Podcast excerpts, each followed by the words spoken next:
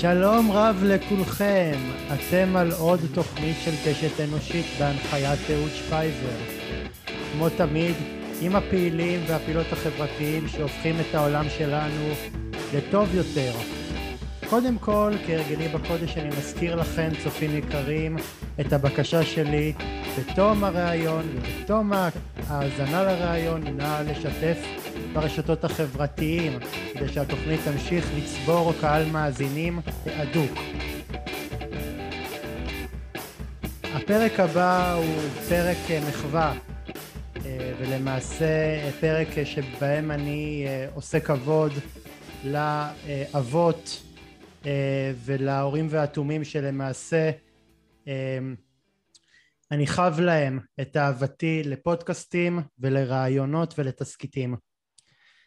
אין ספק שהפודקאסטים הם הטרנד הגדול של המאה ה-21. מאות פודקאסטים, אם לא אלפים, זוכים לשיאי השפעה מדי יום.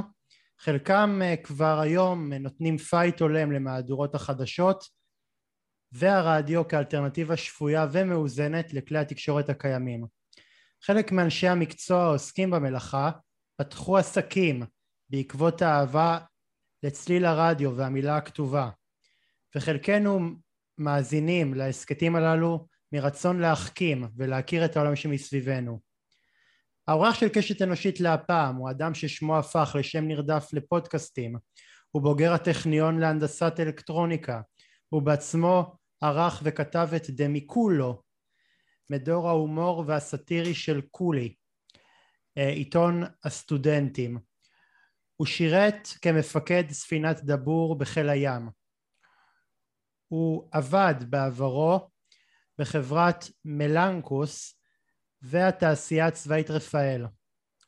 אבל הוא מוכר ביותר בזכות רשת עושים היסטוריה שאותה ייסד ב-2015 לאחר ששנים קודם לכן שידר פודקאסט בעל שם דומה משנת 2007 הפודקאסטים שלו נחשבים לפופולריים ביותר בארץ ובין התוכניות הבת של הרשת שלו התשובה עם דורון פליישר או פישלר, אני לא יודע אה, מה הדיבור, וכשבגרוש היה חור.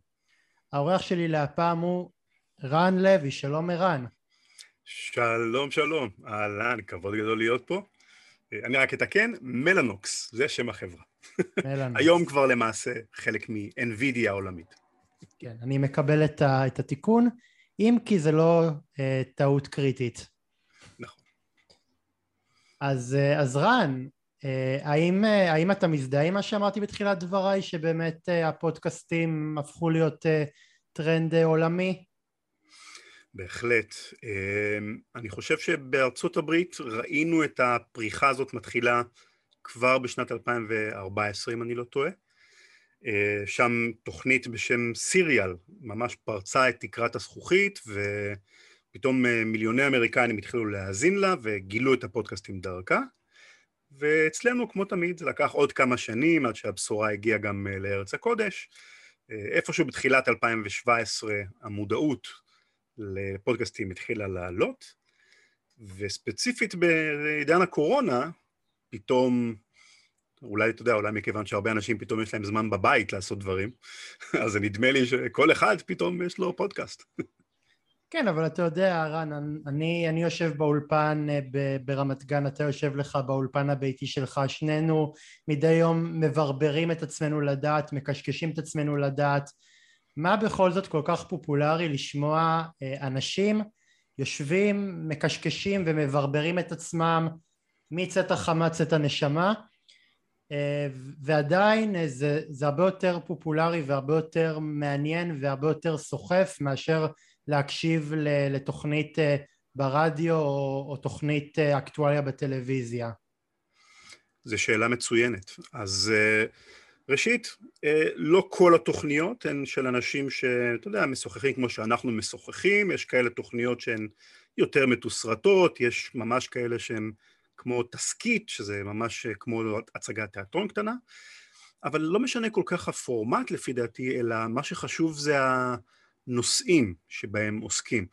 אם אני לוקח כדוגמה את התוכנית שלך אפילו, אהוד, אה, התוכנית שלך שעוסקת באנשים ופעילות חברתית, נכון? אני לא מפספס בגדול, אני מקווה. אתה, זה משהו ש... אתה לא צודק במאה אחוז, אתה צודק באלף אחוז. מצוין. וזה משהו שבאופן טבעי מעניין חלק מהאנשים במדינה, לא את כולם. ולכן אה, רשתות רדיו המסורתיות שמנסות לפנות לקהל כמה שיותר גדול, כנראה לא יתעסקו בו במידה משמעותית, מכיוון שיש יותר קהל כנראה לדברים כמו שידורי ספורט או פוליטיקה. אז התחומים הנישתיים, במקרה שלי זה עולם ההיסטוריה, במקרה שלך זה העולם החברתי, נדחקים לשוליים, לא מקבלים ייצוג משמעותי בתוכניות הרדיו, ואז אולי פעם בשבוע נותנים לנו איזה שעה של תוכן במה שאנחנו אוהבים אה, להקשיב לו, אבל להבדיל פודקאסטים, זו מדיה שפונה לנישות. זאת אומרת, אני ואתה מדברים עכשיו במסגרת תוכנית שעוסקת אך ורק בעולם החברתי. בתוכנית שלי זו תוכנית שעוסקת אך ורק בעולמות המדע, הטכנולוגיה וההיסטוריה, ולכן אנחנו בעצם מאפשרים לאנשים לבחור להאזין לתכנים שהם רוצים להאזין להם, בנושאים שנורא מעניינים אותם, ופשוט לא קיבלו כל כך מענה קודם, קודם, קודם לכן בשפה העברית. אה, לא היו תוכניות כמו שלך ושלי בעולם הרדיו, וזה הקסם של הפודקאסטים. הנושאים לא חייבים להיות נושאים שפונים למכנה המשותף הכי נמוך, אלא נושאים מעמיקים, מעניינים, נושאים שפונים לקהלים מאוד ספציפיים, לפעמים זה יכול להיות קהל של עשרות בודדות של אנשים ברחבי העולם, עד, לכ... עד לרמה כזו, וזה עדיין יכול להיות פודקאסט נהדר שמשפיע מאוד על חייהם של אותם עשרות אנשים. כן. אה, אפילו אתה, אפילו אתה, רן, אתה היוצא מן הכלל המעיד על הכלל. אני לרוב מראיין פה פעילים חברתיים, יזמים חברתיים, ו- ואני עוד חושב אולי להרחיב את זה ו- ולעשות אה, תוכנית שבה אני מראיין ידוענים מתחומי עיסוק שונים יותר, נגיד מוזיקאים, סופרים ואולי גם, ואולי גם ספורטאים, אם כי אני לא בטוח שאני אצליח אה, כל כך לקלוע לדעת אה, מרבית המאזינים כי אני די אה, חננה וספורט זה לא כל כך ה... לא כל כך התחום שלי אבל, אבל אני חושב שבאמת אתה אומר דברים מאוד מאוד נכונים כי זה באמת יותר נישה ובאמת פודקאסט להבדיל מ- מרדיו זה באמת במה שהיא יותר שהיא יותר פלורליסטית כי למעשה היא נותנת מרחב ל, ליצירתיות מה שבדרך כלל ברדיו פחות היינו, היינו רואים העזה ו, ויצירתיות ו, ובפודקאסט אנחנו רואים את זה הרבה יותר נגיד, נגיד כאן 11 תאגיד השידור פרצו את המשוכה הזאת והם גם עושים רדיו וגם עושים, עושים תסכיתים כי הם מנסים מצד שני לתת גם אלטרנטיבה לאנשים שאומרים אוקיי לא בא לי לשמוע את כל מהדורות חדשות ברדיו, בא לי לשמוע קטע ממהדורת החדשות. ו- וזה לדעתי... אפשר להגיד אה, אפילו עוד משהו מעניין אני חושב. רוב האנשים חושבים שפודקאסטים זה הרדיו החדש. אוקיי. ככה לפעמים קוראים לזה. אבל זה לא נכון. פודקאסטים דומים באופי שלהם הרבה יותר ליוטיוב מאשר לרדיו. רדיו זה עולם אחר לגמרי, הרדיו FM הרגיל, גלי צה"ל, רשת ב', דברים כאלה, זה עולם אחר, הוא יש לו היגיון כלכלי אחר ויש לו מטרות שונות. פודקאסט מאוד דומה באופי שלו לסרטון וידאו. אה, הוא פונה לקהילה מצומצמת, הוא מאפשר יצירתיות יותר גדולה כמו שאמרת. זאת אומרת, קווי הדמיון דווקא לעולם של, ה, אה, של הוידאו on demand יותר גדולים לדעתי מהקווי הדמיון בינינו לבין רדיו. סתם בתור הבחנה כזאת מעניינת. אז רן, אה, בוא, בוא שנייה נדבר עליך, אני מבטיח ש, שנחזור לעניין הפודקאסטים יותר מאוחר. אה, רן, איך מתגלגל איש, איש מדע, אקדמאי ואדם בעל השכלה בהנדסה לתחום כה, שונה כמו פודקאסטים? אז כמו שציינת, אני עבדתי רוב שנותיי כמהנדס אלקטרוניקה ומפתח תוכנה. באמת במלאנוקס, ואחר כך ברפאל וכדומה, אבל במקביל כבר מילדותי הייתי סופר, כותב, בהתחלה כמו כולם כותב למגירה, אחר כך פרסמתי ספר ראשון ב-2006, עוד ספר ב-2009. אה, כתיבה, זה, זה, זה היה התחביב הגדול שלי כל חיי. אה, פודקאסטים מן הסתם מעולם לא היו על, ה, על הרדאר שלי, גם אה, בתור מאזין, רק התחלתי להקשיב נאמר ב-2005 לפודקאסטים הראשונים שהקשבתי, עדיין לא חלמתי להיות שדרן, להגיש פודקאסט. פשוט זה היה נשמע לי מאוד רחוק, אני אף פעם לא הייתי בתחנת רדיו, לא דיברתי למיקרופון אף פעם בשום צורה. אה, אבל כשיצא הספר הראשון שלי, אה, שעבדתי עליו לא מעט זמן, משהו כמו איזה שש שנים פחות או יותר של עבודה, אה, זו הייתה אכזבה די קשה, כי הספר עלה למדפי הספרים, ואחרי כמה חודשים הוא ירד מהמדפים. הוא גם היה ספר עיון לא מאוד פופולרי, אז כמו כל ספר, הוא ירד מהמדפים בסוף. וזה היה נורא מאכזב מבחינתי, כי השקעתי המון מאמץ בספר, ואמרתי לעצמי, זה לא הוגן, אתה עובד כל כך קשה על ספר, ועכשיו הוא בעצם, אה, אין לו יותר תכלית, אין לו יותר תכלית, הוא לא, הוא לא יגיע לאף אחד. ואז באמת באותו, באותה הזדמנות פחות או יותר התחלתי לחשוב על, אוקיי, אז מה המשמעות של הדבר הזה שנקרא פודקאסטים? אה, כאמור, התחלתי כבר להקשיב ב-2005 בתור אה, צרכן רגיל של פודקאסטים, אבל איפשהו בסביבות 2007 התחלתי להרהר באפשרות, וואלה, יש פה מדיה חדשה שאולי אני יכול לנצל אותה בעצם כהמשך ישיר של הכתיבה שלי, לעסוק באותם הנושאים, מדע, טכנולוגיה, היסטוריה. אה, אבל ההתחלה, ההתחלה שלי דווקא לא הייתה בתחום הזה, אלא אני הקמתי פודקאסט על משחקי מחשב עם חבר טוב מתקופת הלימודים, אה, איתמר וייסברג שמו, ו... ועשינו תוכנית בשם המשחקייה, שעסקה משחקי מחשב, משחקי קופסה, כל מיני דברים כאלה נחמדים. אה, והיה לנו נורא כיף לעשות את זה ביחד, לגלות איך עושים פודקאסטים, כי שנינו היינו טירונים לחלוטין כמובן.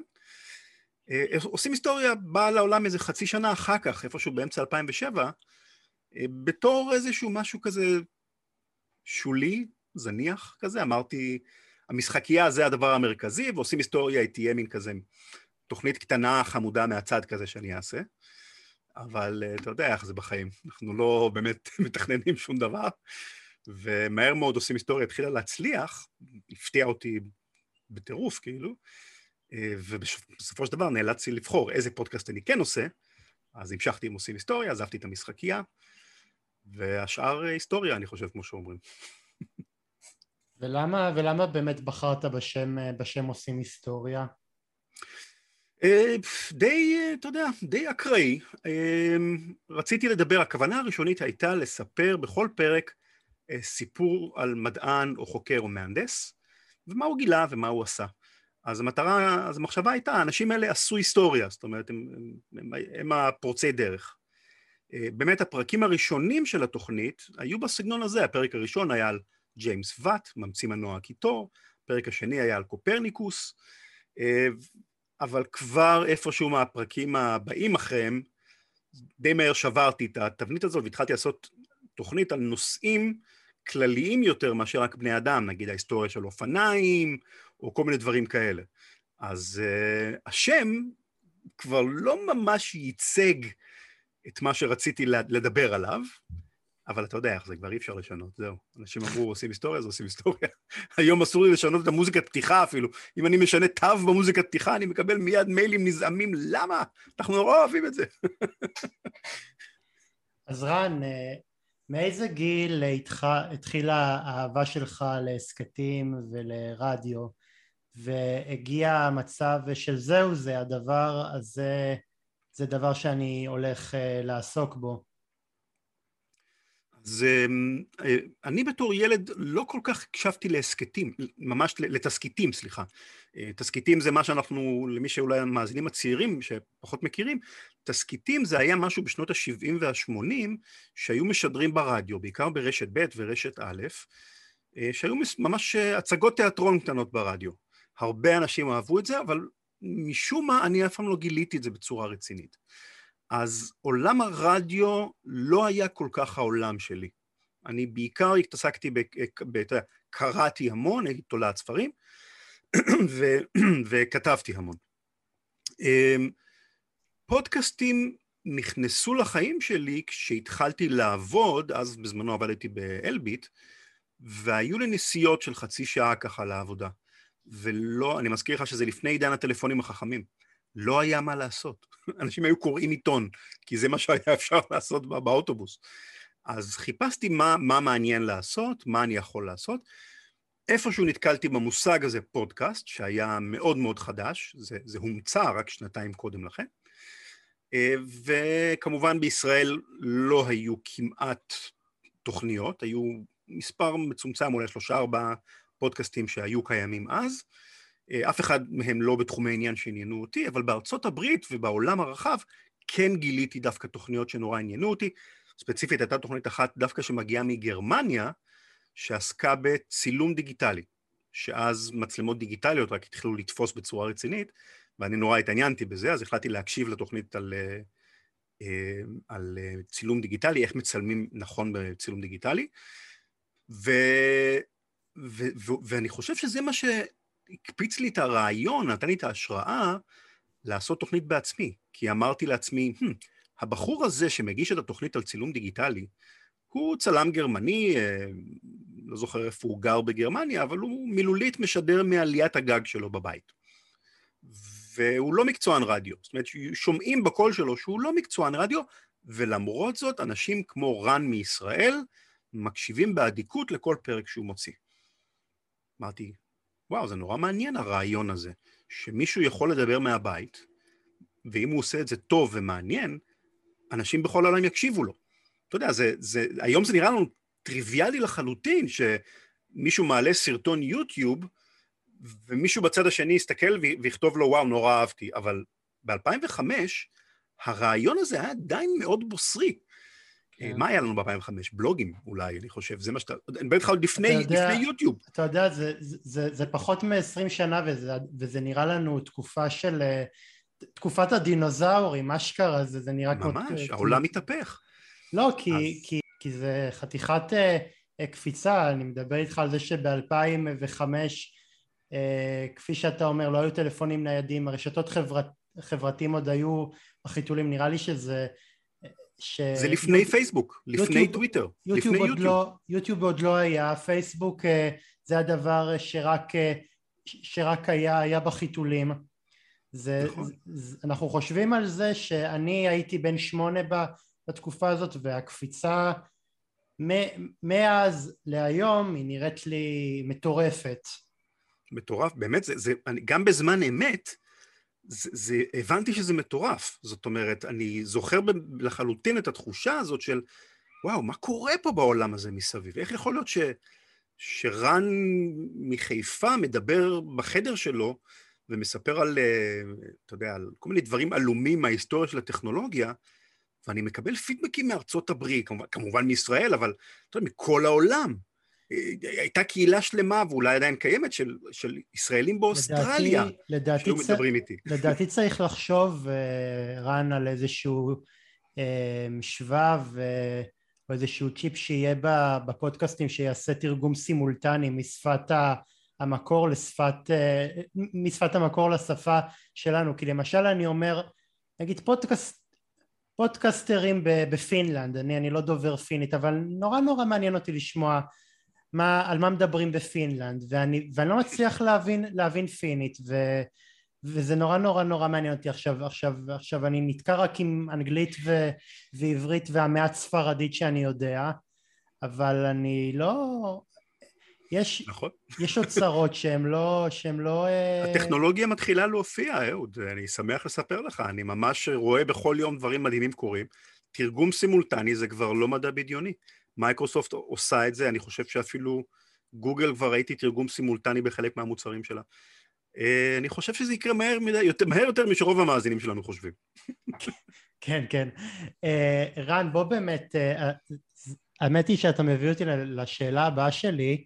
רן, איך אתה מסביר את תופעת הפודקאסטים בשנים האחרונות ואת העדנה לזוכים הפודקאסטים?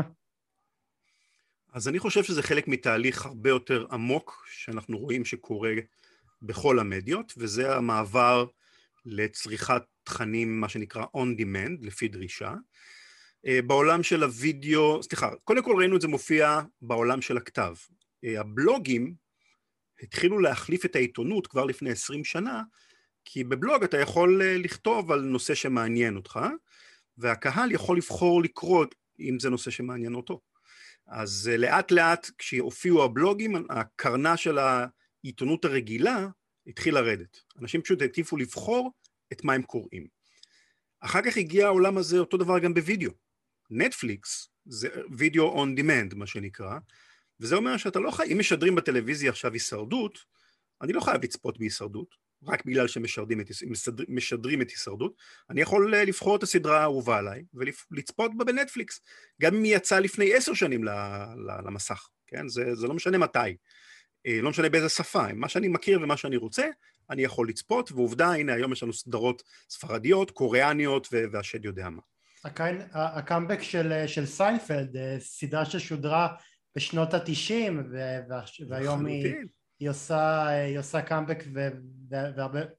ודורות אה, שלא גדלו על, על ג'רי, ג'ורג' ואליין וקריימר פתאום, פתאום גדלים על הדמויות האלה מחדש.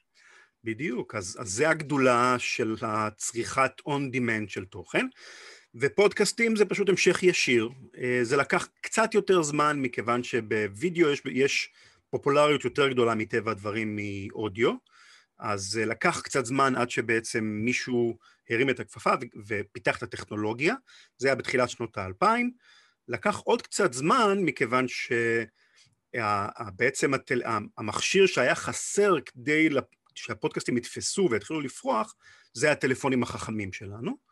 אה, אבל ברגע שהטלפון החכם מופיע עם האייפון הראשון, אז בעצם פה כבר התחלנו לראות את הפריחה האדירה של וידאו ואודיו באינטרנט.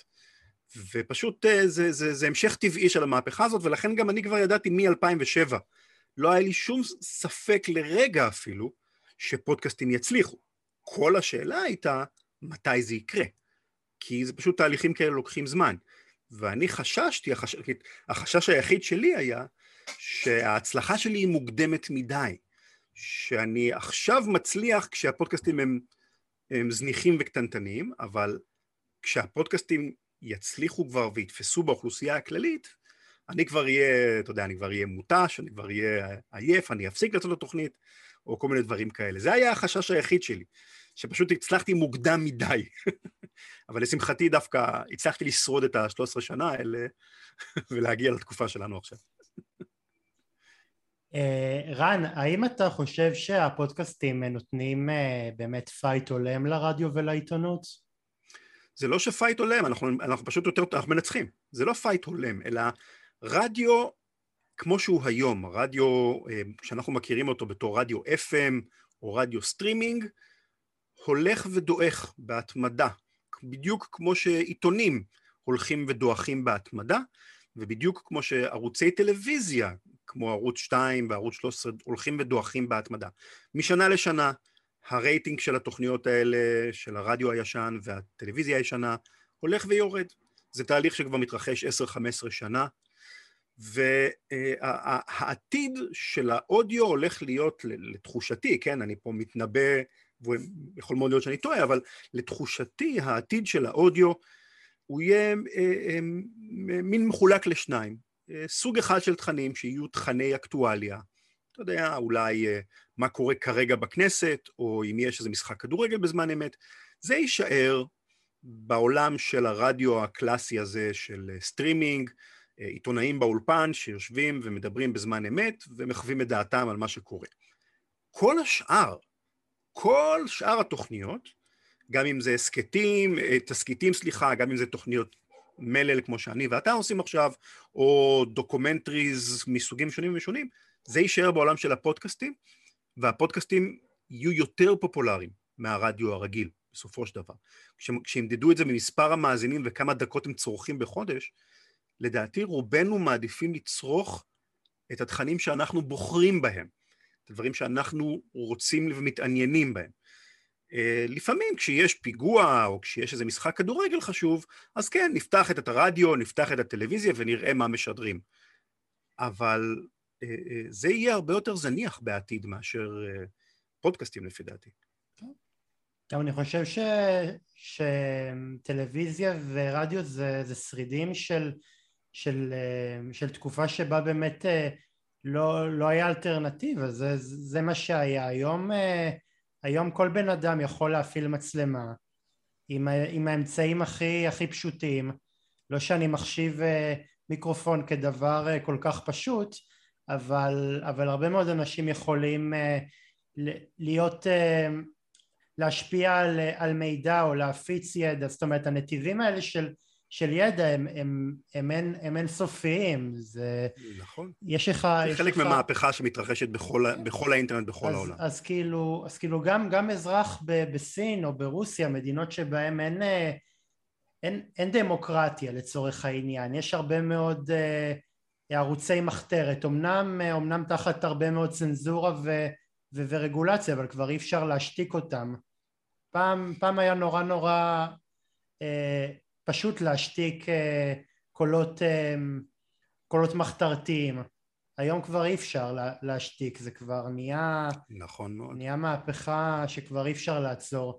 ואתה יודע מה, אולי, אולי, אולי דווקא במקום הזה, שאתה יודע, אני, ב, אני בתוכנית שלי מדבר הרבה על יוזמות חברתיים וכל מיני פעילויות חברתיות, אולי אפילו גם פודקאסטים, אה, נהיה, נהיה כלי, אה, נהיה כלי אה, אה, תקשורתי, להרבה מאוד אה, מיזמים אה, חברתיים, כי באיזשהו מקום הם אומרים לעצמם, טוב, העיתונות מתעלמת מאיתנו, אף אחד לא, אף אחד לא, לא מחשיב את, ה, את העשייה שלנו, אנחנו לא זוכים להכרה ציבורית, בואו אנחנו לא, לא נמתין ש, שהעיתונאים יפנו אלינו, בואו אנחנו נרים את הכפפה ונ, ו, ונעשה אפ uh, אני מנסה לחפש את המילה, בוא, בוא, בוא ננסה להרים לעצמנו, נכון. ליצור לעצמנו עד.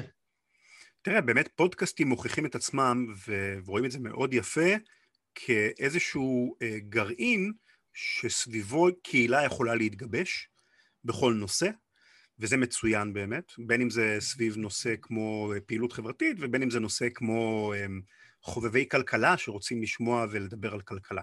אז פודקאסטים מהבחינה הזאת מצוינים כדי לגבש את הקהילה, כדי לחבר בין האנשים, כדי ליצור את הקונצנזוס הזה שאנחנו צריכים בשביל להניע פעילויות. אה, מה שכן, מטבעם, מכיוון שפודקאסטים פונים לקהילות נישה, אז אנחנו עדיין צריכים את התקשורת הארצית במידה מסוימת, אה, כדי בעצם להציג את הדברים האלה לאוכלוסייה הרחבה יותר. ואז, אז, התכנון, אז העתיד אולי שייך לפודקאסטים, אבל כיום עדיין אנחנו, אם אנחנו רוצים באמת להעלות נושא לכותרות, של ה, לדיון הציבורי הרחב יותר, אנחנו עדיין צריכים את המדיה המסורתית הזו. אני מניח שעם הזמן זה ישתנה. ככל, שה, ככל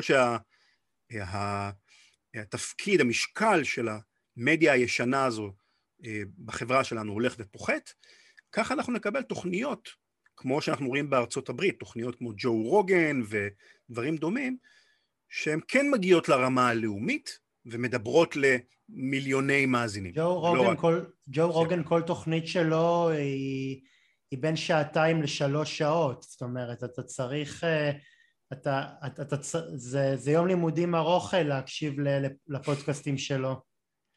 אני, אתה יודע, אני לא חובב גדול של התוכנית שלו באופן אישי, אבל האורך פה הוא פחות רלוונטי, כי אנשים בוחרים להאזין או לא להאזין לתוכן כלשהו, בהתאם לשיקולים הרגילים של אה, האם זה מעניין אותי, האם זה חשוב לי, האם זה רלוונטי לי. אה, תנסה להיזכר בפעם האחרונה שבחרת סרט, לראות סרט כלשהו, לפי האורך שלו. אנחנו לא עושים את זה, נכון? זאת אומרת, אני לא אומר לעצמי, אה, זה סרט של 93 דקות, אני הולך להסתכל עליו, אבל הסרט שההוא זה 100, 100 דקות ו-5 105 דקות, אני לא מסתכל עליו.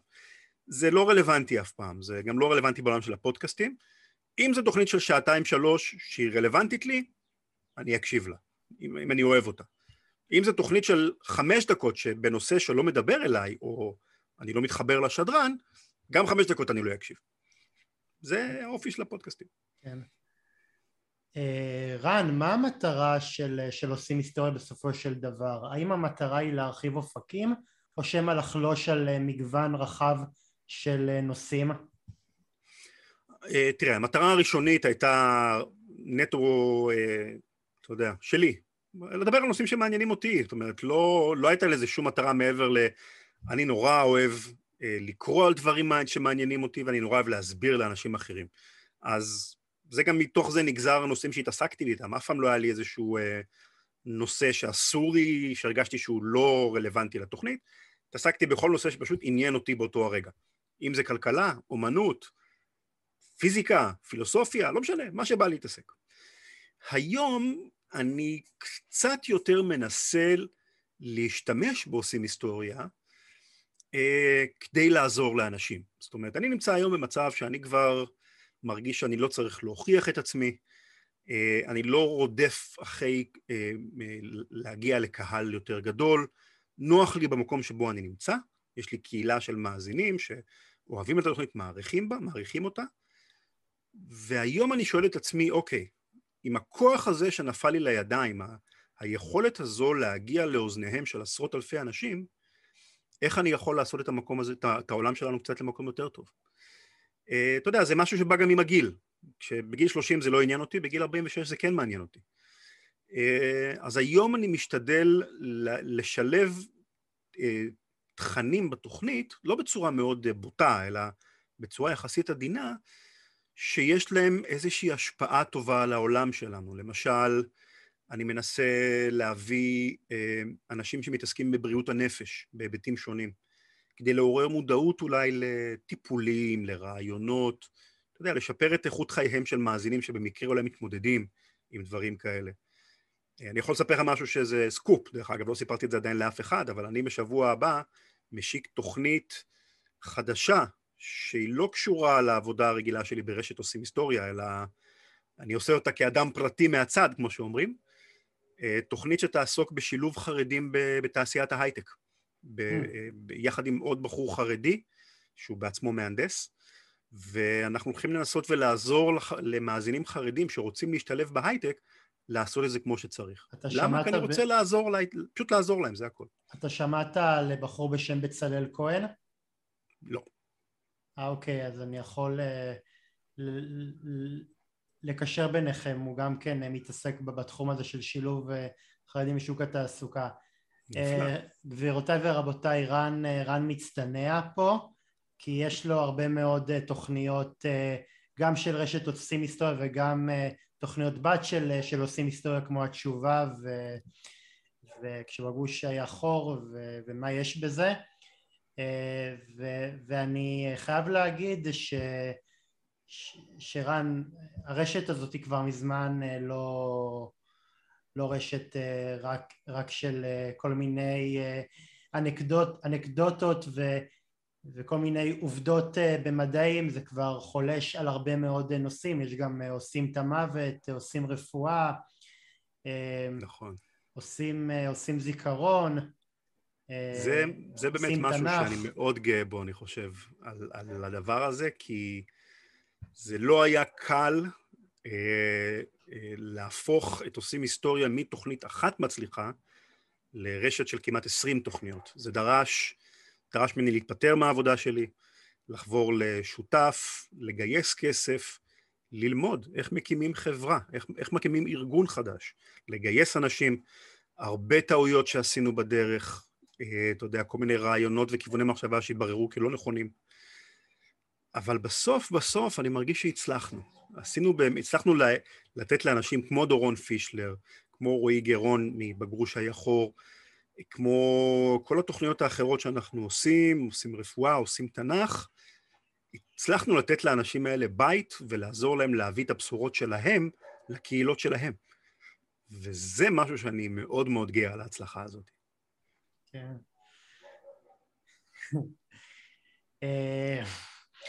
אה, רן, עושה רושם שבתקופת הקורונה הוכפלה ביתר שאת תעשיית הפודקאסטים. איך המגפה הזאת גרמה לכניסה כל כך גדולה של הסכתים לשוק?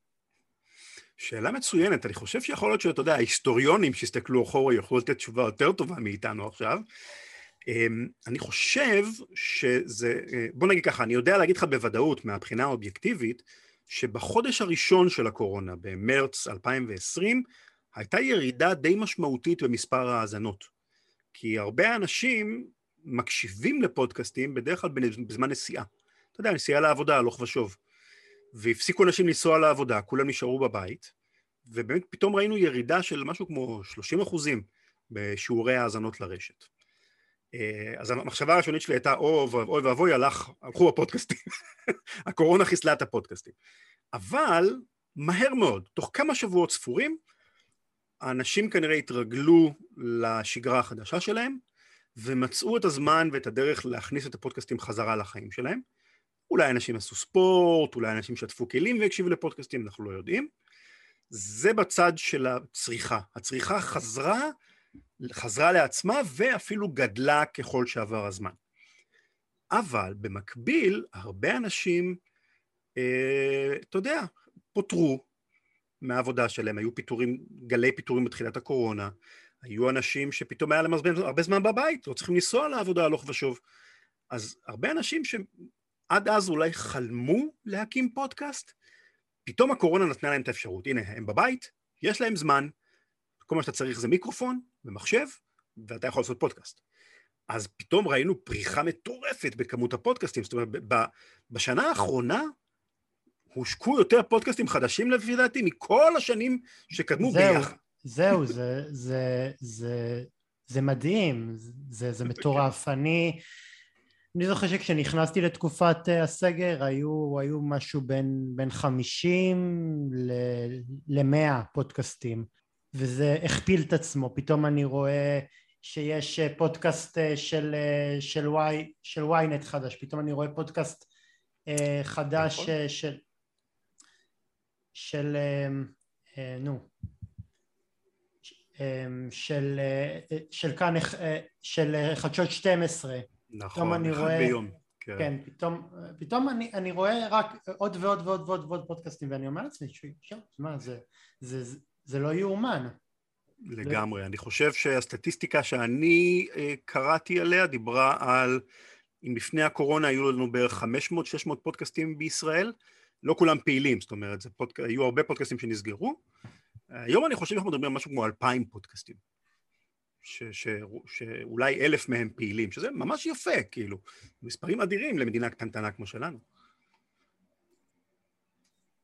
כן, לגמרי.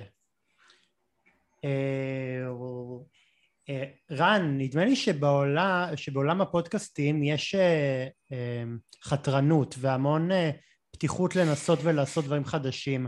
מאיפה נובע השחרור הזה אה, שחודר דווקא לתחום הפודקאסטים?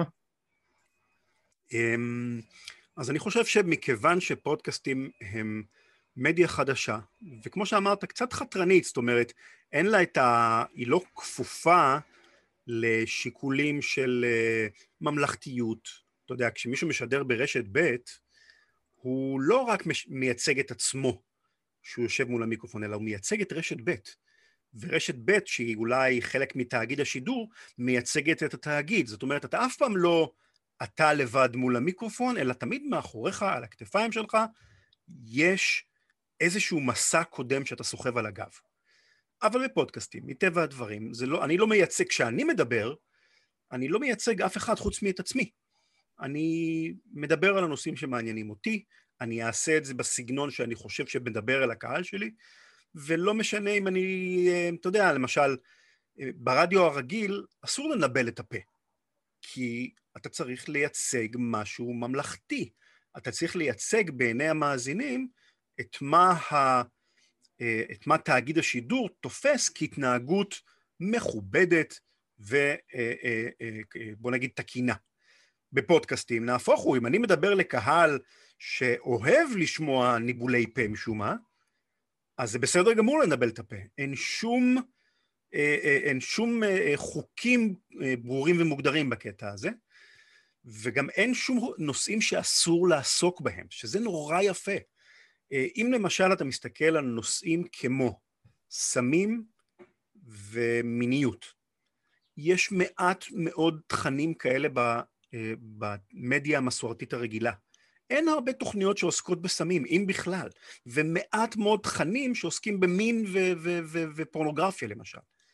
אבל בפודקאסטים, כבר היום בישראל, יש לנו תוכניות נפלאות שמדברות על, אם זה סמים למשל, אז יש תוכנית שנקראת תודעה רבה, שהיא תוכנית נהדרת שמתעסקת בכל מיני היבטים של שימוש בסמים, בטיחותי, לא בטיחותי, מה זה תורם לפסיכולוגיה האנושית, מה זה פוגע בה.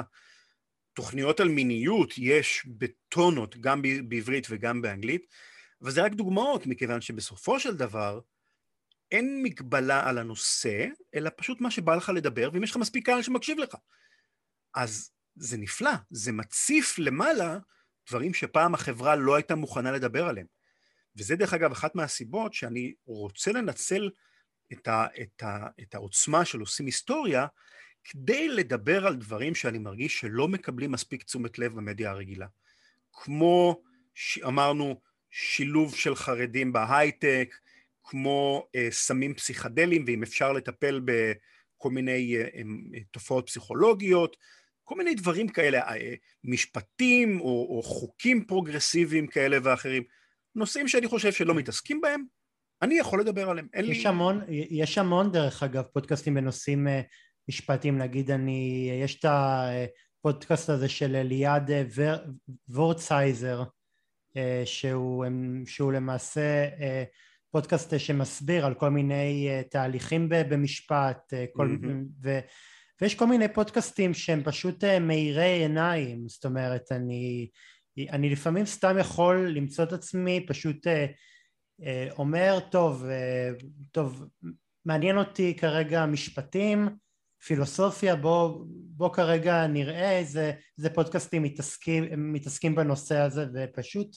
לגלות לא, לא מעט פודקאסטים שבאמת נוגעים בנושאים האלה וזה נורא נורא נורא מעניין, כיפי ובמיוחד מעביר את, ה, את הזמן uh, בכיף, במיוחד כשאתה, uh, כשאתה עולה על הרכבת שבע, מבאר שבע ואתה אמור להגיע באותו יום ל, ל, זה גם מעשיר, לחיפה.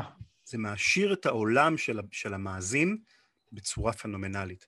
כי בסופו של דבר התקשורת המסורתית מכוונת למכנה המשותף הנמוך ביותר.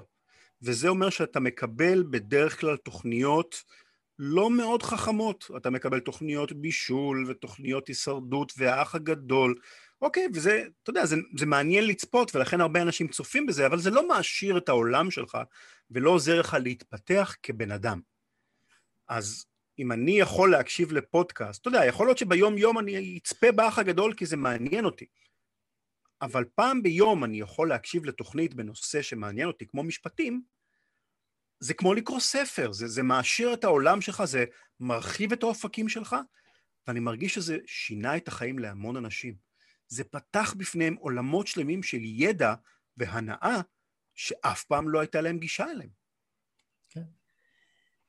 אה, אני הרבה פעמים חושב שהאנשים האלה שאומרים לי, uh, שומע. אני לא, לא מאזין לפודקאסטים ו, וזה לא כל כך תחום, ה, תחום העניין שלי, אני חושב שהם אף פעם לא באמת ניסו לשמוע פודקאסטים, אלא הם, אלא הם פשוט אנשים שקשה להם אה, להתמסר ל, למדיומים חדשים כי הם הורגלו למה, ש, למה שהיה קיים פעם. טבעי, טבעי כן? לגמרי. אה, רן, איך עליית קרנם של הפודקאסטים אה, תשפיע בעתיד על האופן שבו אנחנו עורכים אה, אה, סליחה, אה, לא, לא האורחים, האזרחים אה, צורכים מידע? אה, זו שאלה מעניינת, זו גם שאלה נורא רלוונטית, אני חושב, למה שקורה בעולם היום, עם כל ההתפתחות של הרשתות החברתיות. כי המשמעות של הרשתות החברתיות ושל מדיות כמו יוטיוב וכמו פודקאסטים, היא שאין יותר אה, איזו רשות מרכזית אחת שאומרת לנו מה נכון ומה לא נכון. זאת אומרת, אם פעם היה לנו את העיתונים, ואתה יודע, היו שניים שלושה עיתונים במדינה, ומה שאמרו בעיתונים, ככה דברים נתפסו כנכון או לא נכון. אם אמרו לנו בעיתונים שקנאביס זה לא טוב, זה היה קונצנזוס, זה מה שכולם הבינו, זה מה שכולם ידעו, כדוגמה. בעולם של הרשתות החברתיות, ובהמשך כמובן גם יוטיוב ופודקאסטים, אין, אין, אין אמת כזו, אין מישהו שקובע מה נכון ומה לא נכון. אם אתה תומך בצריכת קנאביס, אז אתה רשאי להגיד את דעתך, ואם יש לך פודקאסט על זה, אז המאזינים שלך יאמינו לך, יקבלו את התפיסה שלך, אחרת מן הסתם הם לא יאזינו לך, ואתם כולכם תאמינו שצריכת קנאביס זה בסדר. אבל אם אתה מאמין שצריכת קנאביס זה לא בסדר, אז אתה תפתח פודקאסט, או סרטון יוטיוב, מה שזה לא יהיה, והקהילה שלך שם תתפוס צריכת קנאביס כלא בסדר. ועכשיו קיבלנו שני, שתי חברות שונות, שני סוגים של דעות, ששניהם בדיוק באותו המעמד. ועכשיו הדעות האלה מתנגשות אחת בשנייה ומתחרות על הבכורה, מי תהיה הדעה השלטת. וכמו שאנחנו רואים בעולם היום, בכל תחום כמעט, זה גורם להרבה מאוד סכסוכים, להרבה מאוד ריבים אונליין מגעילים כאלה של התחת עלבונות וכדומה. כי בעצם זה כאילו שלקחו מאיתנו את, ה, את האבא והאימא שאמרו לנו מה נכון ומה לא נכון, ועכשיו כל אחד מאיתנו, אני ואתה, צריכים להחליט מה אנחנו חושבים שנכון ולא נכון. וזה יוצר הרבה מתחים בתוך החברה. אה, אני, אתה יודע, להגיד אם זה טוב או לא טוב, זה לא כל כך משנה, זה פשוט המציאות. אנחנו נצטרך ללמוד להסתדר בעולם החדש הזה, שבו אף אחד לא אומר מה נכון ומה לא נכון. אה, פודקאסטים הם חלק מהמהפכה הזו, לטוב ולרע. אז אה, רן, עכשיו אחרי שדיברנו על הדברים הכיפיים ועל הדברים הנחמדים ומשובבי הנפש, נעבור לדברים מבאסים, הרי אין, הרי אין ברירה. חייבים זה חלק מהחיים. רן, מה הקושי שעומד בפני אדם שרוצה להתפרנס מפודקאסטים ואיזה דברים חשוב שהוא ידע על השוק הזה?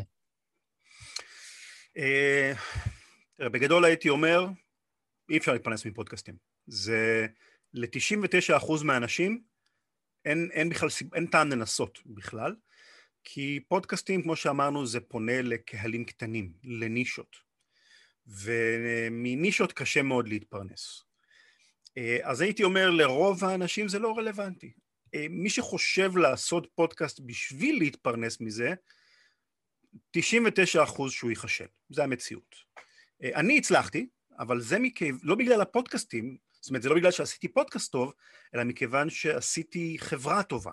הקמתי חברה, גייסנו כסף עם משקיעים, הבאנו אנשי מכירות, זאת אומרת פודקאסטים זה חלק מההצלחה של העניין, אבל זה לא, אה, לא שאתה עושה פודקאסט והכסף מגיע, ממש לא. אה, אז אני אומר לאנשים, אל תחשבו על פודקאסט כמקור הכנסה, אלא כסוג של כרטיס ביקור מאוד מאוד מאוד יעיל וטוב. זאת אומרת, נאמר ואתה מרצה, שמתפרנס מלעשות הרצאות לאנשים בתחום כלשהו, נגיד התפתחות אישית. אם תעשה פודקאסט, זה ההזדמנות שלך לדבר אל כמה מאות מאזינים שמתעניינים בתחום שלך, והם יתחילו לראות בך כמקור סמכות.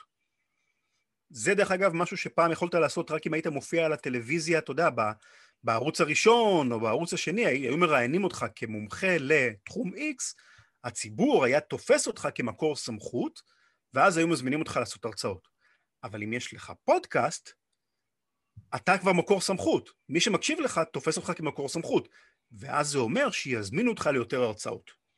שזה גם מה שקרה לי דרך אגב. אני תקופה ארוכה מאוד לא, לא הרווחתי כסף מפודקאסטים ישירות, אלא רק אך ורק מאנשים שהיו מזמינים אותי להרצאות, שזה מבחינתי היה תקף מאוד, כי גם הייתה לי עבודה במשרה מלאה חוץ מזה, אז זה מאוד התאים לי.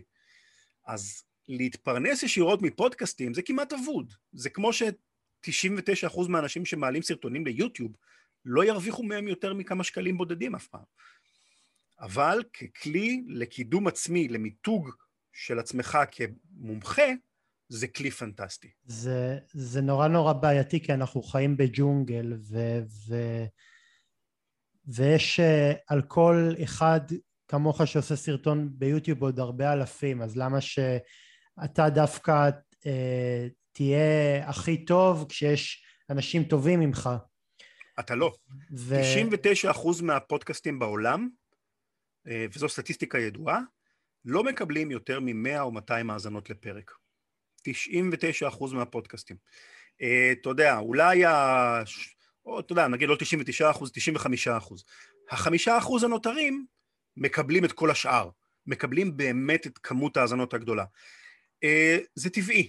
אתה יודע, זה כמו שאם בשנה ממוצעת יוצאים לשוק מיליון ספרים חדשים, כמה באמת ספרים מצליחים? רק אולי אלף. בעיה, כי היום כבר לא כל כך קוראים ספרים, זה גם כן... כן, אבל אתה יודע, זה גם נכון, זה גם נכון באותה מידה במוזיקה.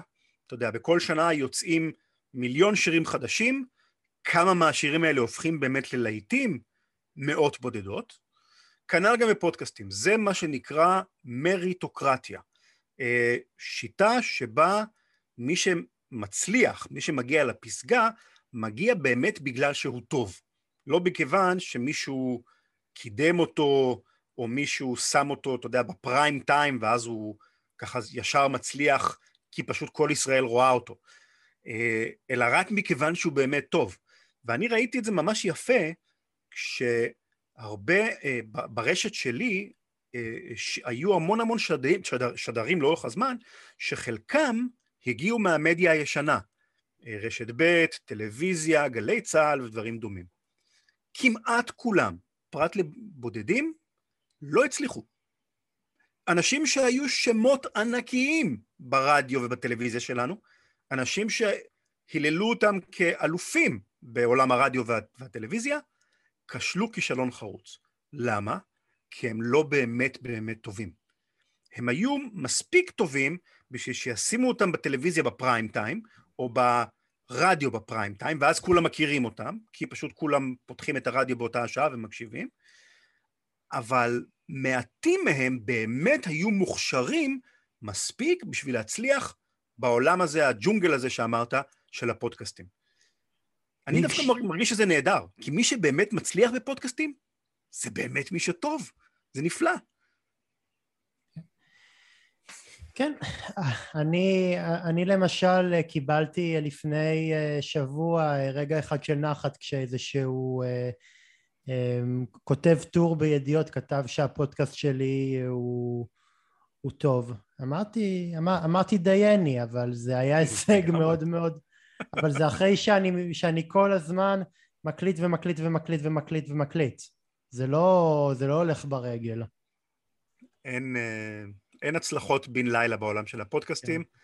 זה כמעט תמיד דורש מחויבות, דורש להשקיע בתוכן, ודורש לפעמים גם איזשהו אה, ניצוץ שאתה יודע שלפעמים קשה להסביר אותו, איזשהו סוג של כריזמה מסוימת, שהיא מאוד חמקמקה וקשה ללמוד אותה, זה משהו שלפעמים נולד איתו. אז אה, אתה יודע, העולם שלנו הוא לא פרי, לא כולם יכולים להיות מוצלחים בכל דבר, אבל מה שיפה הוא ש... אם אתה לוקח אותי כדוגמה, אני לא הייתי אמור להצליח. זאת אומרת, על הנייר, אני בחיים לא הייתי אמור להיות שדר מצליח בשום דבר, כי עד לפני עשר שנים לא, לא דרכתי באולפן רדיו, לא למדתי בגלי צה"ל, לא מכיר אנשים מהתעשייה, זאת אומרת, אני אאוטסיידר, לגמרי אאוטסיידר. אז הסיכוי שלי להצליח בתור שדר רדיו היה אפסי. והנה בכל זאת הצלחתי, בלי קשרים ובלי אה, איזה שהם מתנות חינם או כאלה.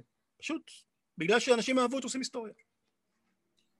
רן, אה, לקראת אה, סיום, איזה טיפ היית נותן לפודקסטר המתחיל שעוד רק עושה את צעדיו הראשונים בתחום? Hmm, זה עולם, עולם שלם, כמו שאומרים. תראה, בדרך כלל כששואלים אותי את השאלה הזאת, אני אומר לאנשים, תעשו את הפודקאסט בשביל עצמכם, קודם כל. תעשו את התוכנית שאתם הייתם רוצים להקשיב לה. אה, בין אם זה נראה לכם נושא מאוד איזוטרי ואתם אומרים לעצמכם, מה, אף אחד לא מתעניין בזה. אתם מתעניינים בזה? זה מעניין אתכם? כנראה שאתם לא היחידים בעולם שזה מעניין אותם. זאת אומרת, אנחנו עולם אה, די אה, גדול, יש הרבה אנשים. אם אתם נורא מתעניינים במקרמה, יש עוד אנשים שאוהבים מקרמה, אתם לא לבד. אז תעשו את התוכנית שלכם על מה שאתם אוהבים, זה יאפשר לכם גם לעשות אותה הרבה זמן, כי תהנו מהעבודה, זה יהיה לכם נורא כיף, לא תתייאשו מצד אחד. ייתן לכם גם את המוטיבציה להשקיע בתוכן הזה ולעשות אותו טוב, כי אתם נורא אוהבים את הנושא הזה, וגם שומעים בקול של הבן אדם שהוא נהנה ממשהו. זאת אומרת, יש פה משהו חמקמק, שכשאתה מדבר על משהו שאתה נורא נורא אוהב, שומעים את זה. שומעים את ההתלהבות, שומעים את הפאן, אי אפשר לזייף התלהבות בצורה טובה. וזה מושך אנשים. אנשים אוהבים את ההתלהבות הזאת, הם מרגישים שוואלה, אני אוהב מקרמה, אתה אוהב מקרמה. בואו נדבר על זה, זה כיף. אז uh, קודם כל, לאהוב את מה שאתם מתעסקים בו, זה הבסיס. לא תאהבו את זה, הסיכוי שלכם להצליח ירד בצורה מאוד משמעותית. רן, אה, לסיום, תן המלצה אה, לפודקאסט טוב ולא, ולא מרשת עושים היסטוריה. תראה, יש, יש פודקאסטים נהדרים, נהדרים. אני מתפתל לדבר על הפודקאסטים של התאגיד, כמו שיר אחד, וכל אה, מיני האזנה מודרכת של עומר גפן, פודקאסטים שאני נורא אוהב, אבל אתה יודע מה, כבודם במקומם מונח, יש להם כבר הרבה מאזינים, בואו לא ניתן להם את ה... זה, בואו נפרגן למישהו שצריך את זה, אני חושב.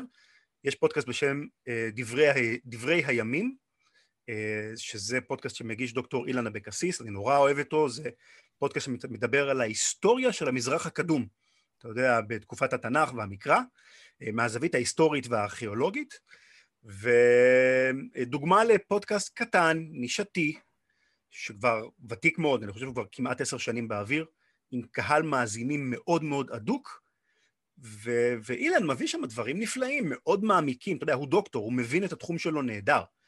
אז זה יותר טוב מכל תוכנית שאני אי פעם אשמע ברשת ב' בתחום הזה, ואני מת על תוכניות כאלה טובות וקטנות ואיכותיות.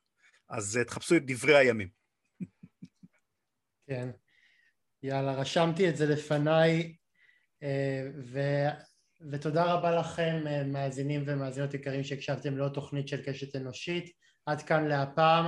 אני מזכיר לכם, אם גם אתם רוצים לקחת חלק בתוכנית שלי, אני מזכיר לכם את מספר הטלפון שלי, אהוד שפיזר, שטרודלג'ימל.קום אה, ואת אה, מספר הטלפון שלי 050-353-1729